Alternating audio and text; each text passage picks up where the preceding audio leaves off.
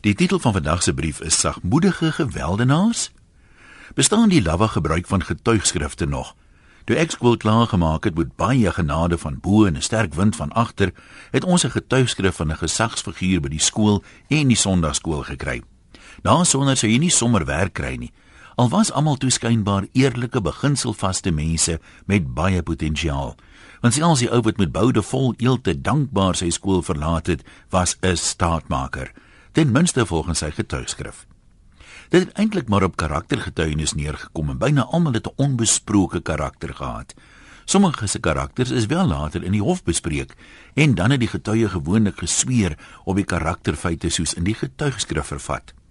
Maar dink gou saam met my aan al die openbare gevalle waar iemand iets gewelddadigs gedoen het. 'n Man pleeg byvoorbeeld 'n gesinsmoord en skiet sy vrou en kinders op pad skool toe. 'n Kind steek sy ouma met 'n swaar dood. 'n Plaasseun vermoor sy gesin of 'n man en vrou steek mekaar met messe dood voor hulle kinders. Omtrent voor die voet sal iemand wat die moordenaars goed geken het, dan opreg sweer dat hy of sy 'n vredelewende, saggeaarde persoon is wat nooit 'n vlieg sou skade aandoen nie. Ongelukkig vir hulle was die oorledenes nie vlee nie. Dit het al so 'n patroon geword. Ek kan nie help om te wonder of moordenaars nie dalk juis dierbare vredelewende mense is nie. Het jy al ooit na so 'n voorval gehoor dat iemand sê ek is nie in die minste verbaas nie. Hy het nog altyd 'n gewelddadige streep gehad en dit was net 'n kwessie van tyd voordat iemand se lewe sou kos. Hoekom hoor 'n mens dit nooit? Dit kan tog nie wees dat dit nooit gebeur nie. Vir 'n moeder is dit natuurlik anders. Elke ma se bloetjie is mos maar die oulikste, slimste of wat ook alste. In ons strafhowe sal die bendeleier se ma altyd getuig dat haar kind 'n goeie seun is wat net deur die invloed van slegte vriende die smalle weg byster geraak het. Vir die moeders van die ander bendelede is haar seun egter daardie slegte invloed.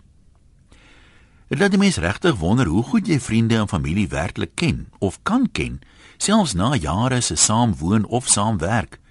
Vrouens wie se mans hulle aanrand word dikwels nie geglo nie. Die man is aan 'n voorbanker in die kerk en 'n leier in die gemeenskap. Hy sê mos nooit sy hand vir 'n weerlose vrou lig nie. So hoekom versprei sy hierdie nare leuns? Is dit 'n geval dat ons nie wil erken ons oordeel was verkeerd nie?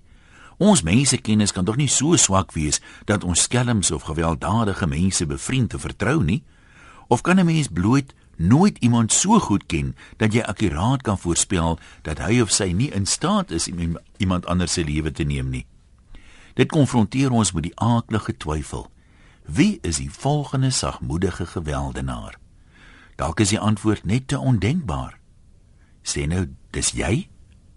Geniet 'n vredevolle feestyd en onthou, liewer bang Jan as dooie Jan. So hou jou kant skoon. Groete van oor tot oor. Anoniem.